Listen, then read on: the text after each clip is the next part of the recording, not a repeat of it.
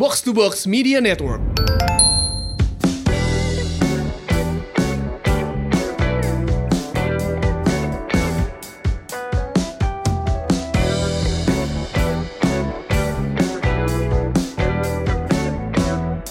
Hai Semurians, welcome back. Ini dia podcast Semur, Sehat dan Makmur.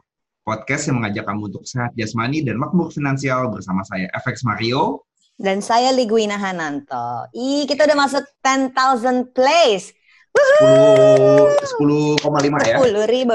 Oh iya, sorry. 10 Mantap. setengah gitu ya. bukan Iya, cuma 10 ribu. setengahnya harus di acknowledge juga. Eh, kita say hi dulu dong sama Oh, orang-orang iya, yang iya. berjasa membuat plays kita banyak adalah Iya, para iya. semurian. Yes. kita udah catat nama-namanya. Siapa aja, Mar? Ada Lila para eh, Lila Paramita, ya. Terus ada, ada Yusnizar. yes. Terus satu lagi ada Atika Cahya. Nah, ini adalah para semurian. Cie disebut di, Di- podcast semur. Ini di IG mereka Ini di IG nunjukin pada mereka ya. udah dengerin. Ha. Jadi boleh Yang di loh Twitter kalau juga kalian- jangan malu dong. Iya, yang di iya. Twitter. Kalau biasanya di Twitter anak Twitter nggak malu-malu biasanya kenapa Iya, pada iya. diem-diem aja gitu. Aku Nah. jangan jangan dengerin. jadi jadi kalau kalian semurian lagi dengerin podcast ini dan merasa ih gue suka nih atau justru mau nyela juga nggak apa-apa. Kita suka Hmm, perhatian atau ada baik yang kritik. positif maupun yang negatif. Enggak enggak enggak suka Yes. dikritik. Cela aja sekalian. Tag menunjukkan kalau lu deket ya sama kita ya. Kalau nggak deket nggak bisa nyela. eh, bisa tag gue di at Mrs. Sananto, at MRS Sananto. Gue ada di Twitter dan Instagram. Dan Mario Iya. ada di FX Twitter. Mario. at FX Mario. Di Instagram lu juga FX Sama, Mario sama. kan ya? Yes, sama. Oke, nah, jangan lupa tag kita dan mention kita karena eh, kita caper. Demi semur kita caper. Terus dari semur ini kita udah mulai dapat quote-quote jeletot. Wah, itu kayak memperkenalkan kata-kata bahasa Sunda ya. Iya. Quote-quote jeletot. Eh, di antaranya Dilepas eh, di kepala gue tuh seblak sih, Win.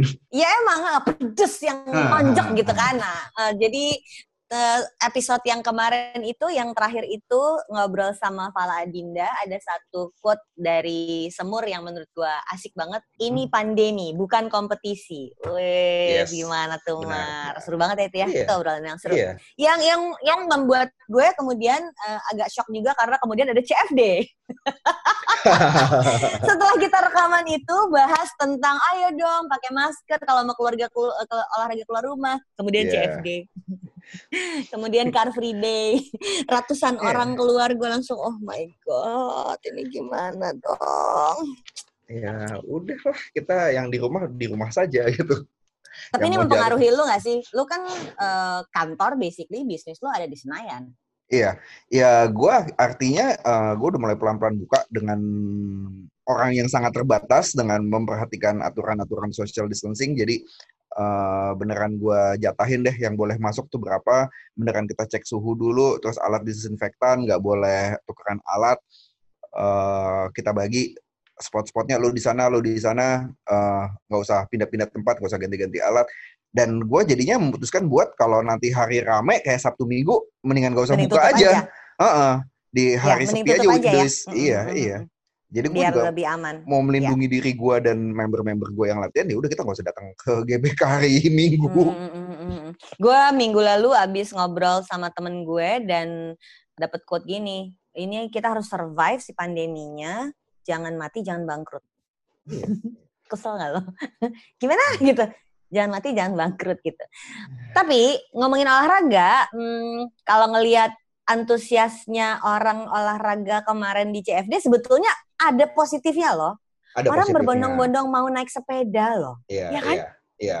Iya dong, itu itu menurut gue ada satu harapan suatu Ya. hari saat sudah aman Jakarta itu akan dipenuhi sepeda. Ini ini ngayal ngayal bang gue ya. Karena menurut gue eh, kapan Jakarta bisa kayak Groningen gitu misalnya yang ke mana-mana naik sepeda kan nggak mungkin impossible gitu. Kita Iya, iya. kita orangnya mobil dan motor banget.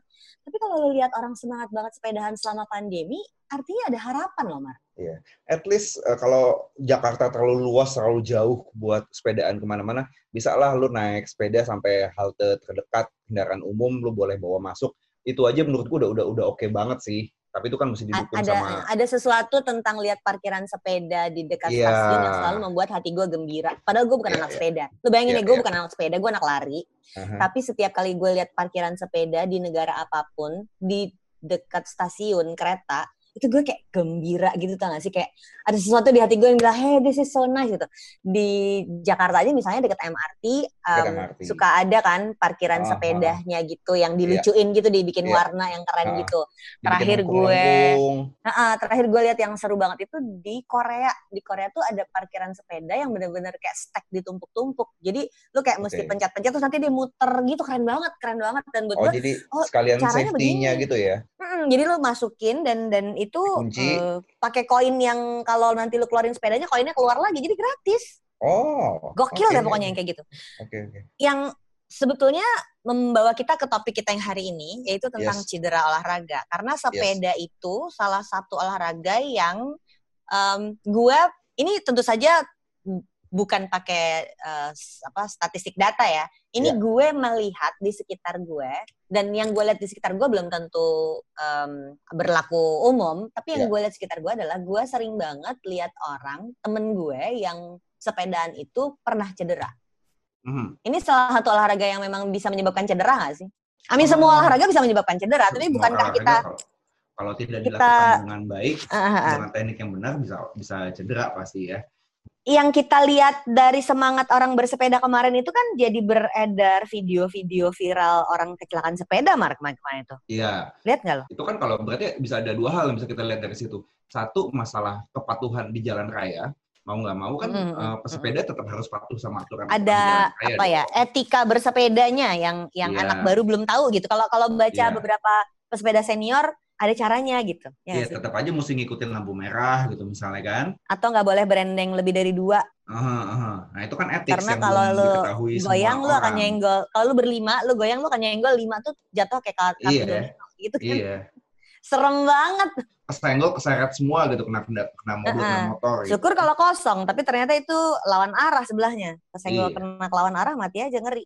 Iya, makanya Nah, mesti hati-hati kalau di jalan raya. Sehingga cedera olahraga itu lu deh yang memang praktisi olahraga eh, dan dan ada bisnis di bidang olahraga dan lo seorang trainer. Aha. Eh, cedera itu biasanya karena apa sih?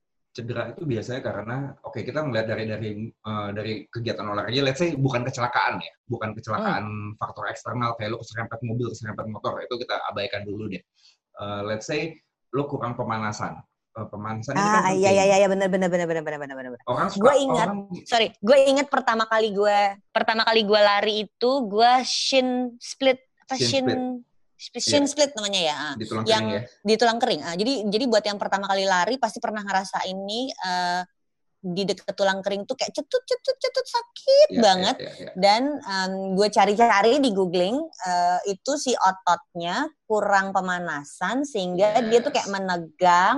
Ah, Habis itu dia kayak kayak geter di dalam kaki kita itu kena ke tulangnya. iya, iya, Dan iya. itu sesederhana kurang pemanasan ya. Mat itu salah Kurang satu cedera yang gara-gara kurang pemanasan. Iya, orang tuh orang tuh mikirnya tuh eh, olahraga ya, gue udah tahu gerakannya kayak, kayak sepeda lah. Lu mungkin udah sepeda dari kita kecil gitu, udah tahu apa sih sebenarnya Iya sepeda. iya iya. Iya iya iya benar. Kadang-kadang orang tuh naik sepeda kan, iya bener logis banget loh. Naik sepeda tuh kan ya, ya elah cuma naik sepeda, gue kan naik sepeda cuma cuma naik sepeda sepedaan, doang gitu. Heeh. Orang Lupa bahwa nih. badan kita waktu kecil sama sekarang tuh udah beda ya. Exactly. Itu jangan dilupakan guys. Jangan dilupakan. Makin tua badan lu tuh berubah. Iya. Ya udah kita pemanasan, kita kardio dulu sedikit. Eh, biasanya kalau kalau yang gue suka tuh sebelum olahraga tuh namanya dynamic stretching. Jadi stretching yang bergerak. Let's say lu menggerakkan sendi-sendi lu, dengkul, hips, eh, pundak gitu kan. Eh, just to get your body apa naikin suhu tubuh lo terus eh, ya biar sendi-sendi lu lebih lebih loose gitu kan terus menyiapkan otot buat olahraga biar nggak cedera.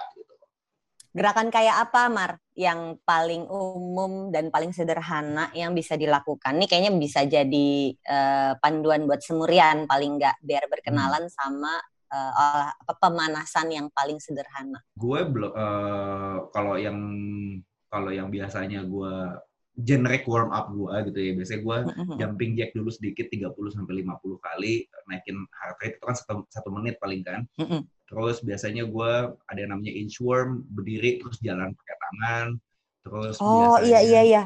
Itu jarang orang tahu kalau itu adalah stretching yang bagus ya, Ya, inchworm. ya. I really love it. Eh, soalnya tuh lu nge-stretch satu badan, eh, mulai dari hamstring, punggung, tangan, segala macem. Eh, terus biasanya gue ngelakuin air squat, squat tanpa beban gitu kan itu eh, buat lower body oke banget. Atau Ya, ya. lunges, eh, ya buat tangan paling eh, beberapa arm rotation puterin tangan gitu. Ah ya. eh, itu 15 gerakan-gerakan yang yang generik lah, gampang. generik dan orang tahu kok ya itu Hmm, nggak ada yang hmm, susah itu ya. Mungkin yang nggak umum cuman si inchworm itu aja padahal sebenarnya itu biasa. Iya, It's very interesting. eh, satu Apalagi terus pendinginan. pendinginan. Nah itu biasanya orang juga suka lupa. Udah selesai, udah Jadi before after ya. Oh, itu itu Iya. bahaya banget. Jadi jadi gue gue punya pengalaman maraton dan boleh ya silakan tertawakan gue. Gue pu- punya pengalaman maraton cuman sekali. Sesudah itu selalu DNF. ya ya shameless gue ya. Jadi gue maraton berhasil finish 42 km. Itu juga finishnya 6 jam 50 menit karena gue gendut dan gue slow runner. Da- terus yang keduanya maraton gue tuh di Borobudur Marathon itu gue finish tapi lewat cut off time. Yang ketiga maraton gue itu di Perth karena gue dulu kuliah di sana ceritanya nostalgia gue mau lari di kota yang gue uh, kenal kan. Hmm. Uh, itu gue di Ciduk di kilometer 25. Jadi dua kali DNF tapi satu kali gue finish loh. Ya. Dan yang finish itu, mohon Di- maaf, sombong, itu di Tokyo World Major Marathon. Jadi yang- mesti keluar negeri lagi kali Win ya. Nah, jadi kayaknya harus yang luar negeri dan dingin. Terus lagi gue pengen ada yang dingin Bromo. Bromo sih gue nggak sanggup. Bromo ultra kan, bukannya maraton biasa kan? Ya pokoknya kan lari di Oh, Bromo oh, itu iya ngeri, itu. Kak. Eh, eh, Iya, iya. apa pun itu ya, Bukan kota ya? bukan kota dan agak trail kan itu. Nah Ya, tapi yang trail. yang menarik adalah pengalaman gue lari dan eh, 42 kilo yang Tokyo Marathon itu tanpa cedera loh. Iya. tanpa cedera. Dan itu kalau gue ingat, memang nomor satu gue pakai coach almarhum coach Adri yang suspek COVID meninggal Ya. di minggu pertama em, mulai ada kasus Pandemi. itu Mhm. pandemi itu eh, almarhum coach Adri itu bener-bener orang yang mengubah gue jadi gue gue kalau kalau kalau lagi rekaman sumber tuh inget dia kalau lagi ada kasus kasus COVID tuh inget dia Iya, dia iya, tuh iya, orang iya. yang yang bener-bener jagain dari depan ke belakang jadi coach yang sesungguhnya gitu loh bukan cuma dia ngasih Iya. program gak gitu doang Iya, dia iya, bener-bener iya, iya. untuk pemanasan tuh drilling pemanasannya tuh beberapa minggu supaya gue inget karena sebenarnya kan Iya, diulang kalau terus, lu- diulang, diulang terus, diulang terus, terus. ah, Yes. jadi kita ingat terus ya nah Yes. terus latihannya udah pastilah ditelepon tiap pagi udah lari berapa kilo gitu Ah. tapi si stretching sesudahnya yang dia ribut banget apalagi dia nggak nggak ikut ke Tokyo kan waktu Iya. gue 10k sama half di Jakarta dia ikut Mhm, dia nungguin di finish line dan bener-bener Ah. ngurusin gue bener-bener ngurusin harus stretching kayak apa karena dia tahu gue punya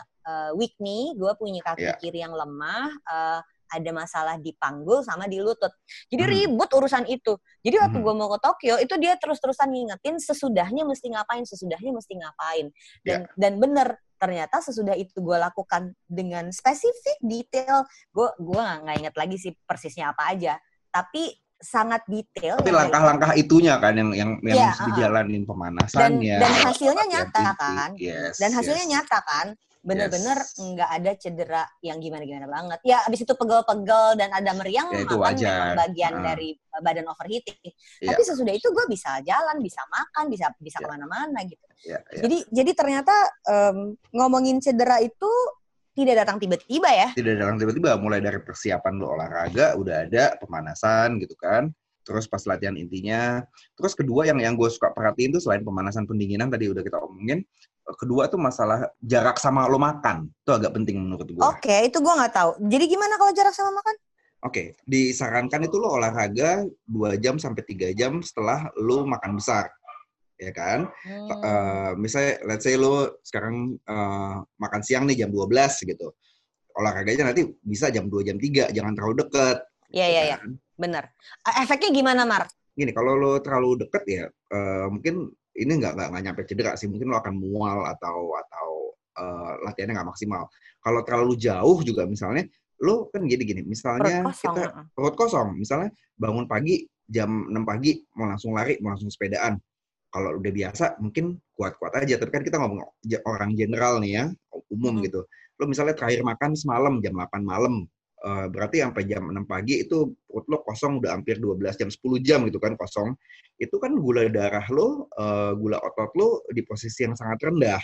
Oke. Nah, nah itu kan itu eh, mempengaruhi semua bisa. cara badan lu beroperasi ya? Iya, uh, baga bagaimana badan lo mensintesis makanan jadi jadi tenaga itu kan jadi berpengaruh kalau kalau kondisi gula darahnya rendah.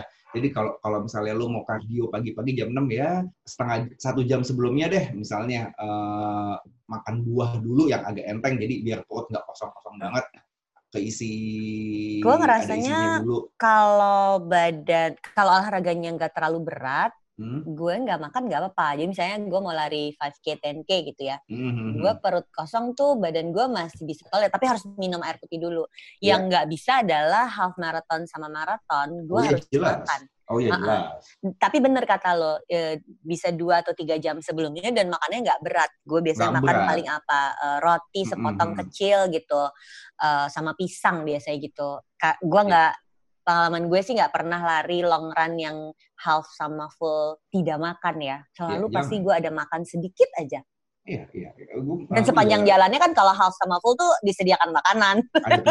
Iya kan? Karena itu badan kan ngabisin semua energi. Uh, yeah. Nanti di atas 20 kilo tuh isinya tuh udah bener-bener buah-buahan, crackers. Hmm, kalau di Jepang tuh sampai orang tuh bawa termos. Nyediain teh anget. Oh, teh anget. Oh, karena dingin ya? Karena dingin lah nyediain teh anget, nyediain crackers, buah dijejerin dan ini tuh complete strangers ya bukan panitia. Penonton hmm, hmm, di pinggir hmm, jalan hmm, tuh kita hmm, sampai kalau kalau di Indonesia yang kayak gitu kan komunitas lari kan. Iya betul. Mereka pasti nyiapin tuh nyiapin, buat hura-hura nah, kan. Nah, gue bahkan yang half marathon di Bandung itu ada anak komunitas lari di Bandung itu yang nyediain uh, body spray sama hmm. pensil alis. Lucu banget. Apa? Pensil alis? Pensil alis. Jadi buat Supaya yang cewek-cewek yang berdandan biar tetap uh, tetap kece gitu di finish. Lucu banget. Jadi pas itu lo lari finish, peluk, angkat tangan gitu itu, masih kinclong ya. Uh, itu sampai gua peluk, sampai gua tag di di Instagramnya dan ketawa-ketawa kita karena aduh bener-bener epic banget. Okay, anyway, okay, itu okay. gak ada hubungan sama cedera sih, tau, ya, tapi, tapi fun nah, foto, aja. Foto finish, foto finish itu kan sangat menyenangkan. Apa uh, uh, kayak momen menang lo gitu iya, kan. Iya, uh, dengan alis tetap cantik gitu uh. lucu kan. Lucu banget. Cuman perempuan yang ngerti begini sih kayaknya dan itu cuman di Bandung gue temukan. Oke, okay, nah, oke, okay, okay. Tapi soal cedera ini, um, cedera yang gue pernah rasain ya, gue pernah cedera shin splint itu dan mm-hmm. uh, abis itu tentu saja gue di, ditegur dong sama coach gue. Pasti kamu kurang pemanasan, kata gitu. Kamu pasti sok langsung lari. Ya abis itu cuma 3 kilo, abiskan cuma 3 kilo. Lu bayangin ya, yeah. lu, lu pikir larinya cuma sedikit, apa sih kayak, kayak tadi kata-kata lo, cuma naik sepeda doang apa sih gitu ya. Mm. Um, ternyata enggak, ternyata memang itu berpengaruh. Terus gue uh, pernah cedera dan menariknya selalu bukan pas lagi long run half sama full. Mm-hmm. Justru pada saat cuman lari 3, 5 atau 10 itu lutut gue yang kiri itu jadi sakit. Jadi ternyata memang ketika persiapannya kurang dan gue menganggap remeh sehingga pemanasan dan pendinginannya kurang, gue malah perlu untuk cedera. Itu confirm banget kalau menurut yeah. gue. Uh, terus sekarang, sekarang gue kan lagi encok. Iya, oh iya, yang katanya iya. kebanyakan diem malah jadi cedera gimana? Justru uh, uh, itu aneh banget kan. Jadi ketika gue bilang gue lagi cedera, terus teman-teman gue tuh pada bertanya, lagi ngapain? Apakah lu ikut angkat kan? Gue sempet tertarik angkat besi kan. Jadi yeah, gue yeah, pernah, yeah, yeah. oh gue pernah cedera uh, salah ngangkat, terus bibir gue jadi berdarah oh, gara-gara oh, gue salah ngangkat besi. gue juga pernah gigi gue gigi gue patah. Hah? Itu pernah kejadian gigi patah? Jadi gue oh, pernah waktu lagi gerakin barbel, agak kepentok gigi terus gigi gue patah. Waktu gue ke dokter gigi, dokter gigi gue ngomong, emang gigi lu udah keropos sih, Mar. Iya. Oh, enggak, jadi bukan cuma karena itu. Dia ngomong gini, gigi lu emang udah keropos sih, Mar. Bisa aja lu gigi kerupuk patah. Untung ini kena barbel jadi keren dikit ya. Jadi oh, gagah gitu. jadi gagah gitu. Kalau lu ke Jadi cederanya gua, gagah. Iya. Kalau, kenapa? Karena makan kerupuk. Karena makan seblak. Iya. Karena makan seblak. Kan gak keren gitu uh, terus apa lagi nah nah yang ini tuh anak-anak pikir uh, emang lo angkat besi kan gymnya lagi tutup oh enggak gue bilang karena gue selama bulan jadi gue kan pas bulan April tuh hmm. menemukan ritme yang yang sem, nyaris sempurna gitu ya. Bener-bener gue bisa kerja tuh um, in between dari jam 10 sampai jam 5 tuh kerja, abis itu nanti kerja lagi malam jam 7 sampai jam 9 malam. Gue bisa kayak gitu. Tapi ya. gue benar-benar bisa nyediain waktu pagi jam 8 jam 9 sama sore jam 4 jam 5 itu gue olahraga benar-benar dua kali sehari. Hmm. Uh, lima hari seminggu full sebulan wah badan tuh enak banget hmm. begitu bulan Mei ada puasa, Puasa. badan gue nggak kuat dan yang paling kacau tuh gue kalau bulan puasa bukan lapar dan dahaganya ya. Ya. Tidurnya, jam tidur gue tuh berantakan banget Ya. sama bulan puasa karena bangun sebelum subuh, abis itu gue tidur lagi, abis itu gue kerjanya yang sampai malam, jadi jadwal tidur tuh nggak bisa full yang 6-7 jam tidur gitu tau gak sih Mar yang cuma tidur 5 jam, 4 jam udah Iya, terbangun, iya, terus nanti iya, tidur iya. lagi. Ternyata kan itu nggak bisa catch up kan, nggak Nggak bisa. 7 jam dibagi dua tuh ternyata ngaco banget di badan gue. Iya. Sehingga gue lemes, gue nggak bisa olahraga. Jadi full selama bulan puasa itu gue tidak olahraga sama sekali. Mungkin cuma dua tiga kali olahraga dari yang sebelumnya dua hari seka, dua kali sehari. Plus pas bulan puasa jadwal kerjanya hore banget. Jadi Hmm. full gue kerja itu biasanya kan kalau gue ngajar finance tuh berdiri ya. Iya. Berdiri jalan-jalan sambil Hmm. ketawa-ketawa gerakan Hmm. gitu banyak Iya, gerak iya. gitu ya. Ini gue duduk. Iya nggak bodor kan tuh berdiri, berdiri Ah, kayak orang iya, show iya. aja gimana sih Iya, gitu. iya, iya. Ini gue duduk, gue duduk benar-benar bisa bisa tujuh jam sehari duduk dan itu ternyata membuat cedera gue yang lama yang ada di panggul gue apa istilahnya tuh hip IT flexor. band bukan sih? Oh, hip Bukan, bukan. flexor. Hip flexor, hip flexor. Yes, Jadi yes, otot yang berhubungan sama semua yang ada di panggul Yes. itu kembali cedera dan eh, sakitnya tuh bukan sakit yang jeletot sakit banget gitu bukan, Mhm. tapi terus-terusan ada enggak ada enggak nanti hilang nanti ada lagi. Tapi jadi sampai udah mulai merasa meng- dan dan bahaya kayaknya kalau cedera tuh bahayanya adalah kita suka ah nggak apa-apa gitu kan ya. Nah begitu udah nggak bisa sujud sholat gue baru panik. Ini nggak bener nih kalau udah Hmm. sampai gerakan sholat terpengaruh. Iya. di situ baru gue nanya sama eh, coach gue si Jen. Jen ini gimana? Dan dia langsung fisioterapi gitu Fisioterapi. Gua setuju. emang, emang solusinya selalu fisioterapi ya Bang? Eh, gue gue percaya eh, kalau kita cedera itu lebih baik ke eh, dokter spesialis olahraga atau ke fisioterapis. Mm-mm. Eh, kalau dulu kan kita taunya ke sinse lah, ke tukang urut lah, diurut diurut ah. urut gitu kan. Gue pernah ngalamin suatu kejadian gue eh, cedera. Gue ke tukang urut eh, yang terkenal deh di kalangan orang-orang olahraga, lah. Eh, terus tapi malah bengkak gue tambah besar. Lalu gue akhirnya datang ke dokter Sofia HG, di- eh, ada tuh di Twitter yang Oh iya iya. Oh jadi lu udah pernah ketemu sama orangnya ya? Sofia Udah, udah. itu orang Dok- beneran ya? Hai Sofia, semoga kau mendengarkan. Suatu hari aku pengen manggil kamu di semur. beneran Terus, dokter dokter apa spesialis kesehatan olahraga gitu kan gue Hmm. ketemu dia eh, dia oh ya udah bengkak ya Mar sini gue lihat terus di USG oh iya eh, ada inflamasi ada peradangan di jaringan ini gitu dibilang. Kalau ke tukang urut kan dibilangin ah ini salah urat doang nih pak gitu doang kan. Kalau ke dokter beneran beneran dicek oh ada inflamasi. Solusinya gini aja lo pakai obat ini eh, lalu eh, tangan lo yang cedera itu diperban.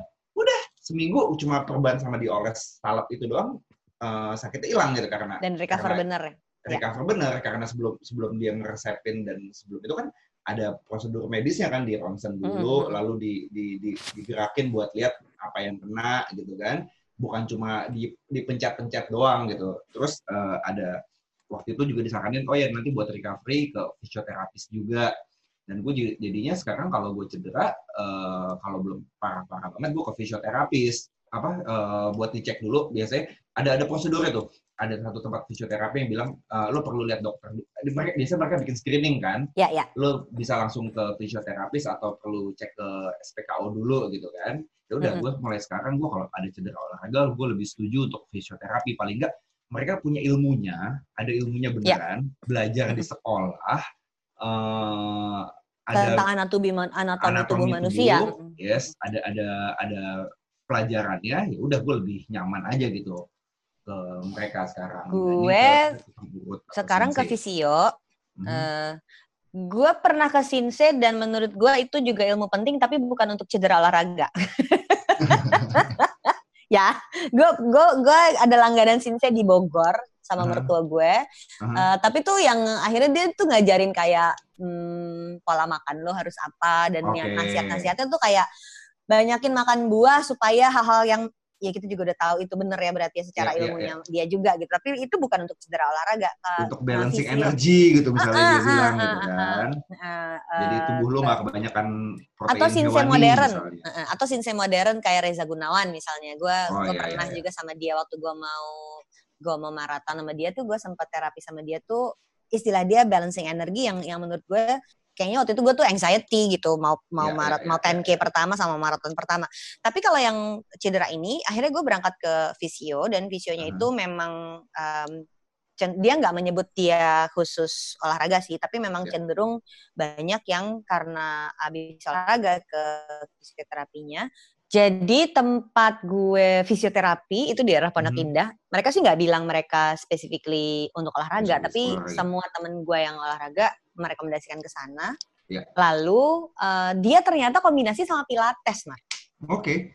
Jadi, Jadi buat menarik recovery-nya pilates ah, gitu. ah, ah. gerakan pilates itu sangat membantu untuk recover ternyata. Ya, Jadi ya, dia ya, nunjukin em, ruangan buat terapinya kan itu yang diurut dulu gitu ya. Ah, Habis itu biasa. ada beberapa alat lagi lah. Di antaranya gue kemarin tuh ultrasound Mhm. eh, sama dipasangin BB tape.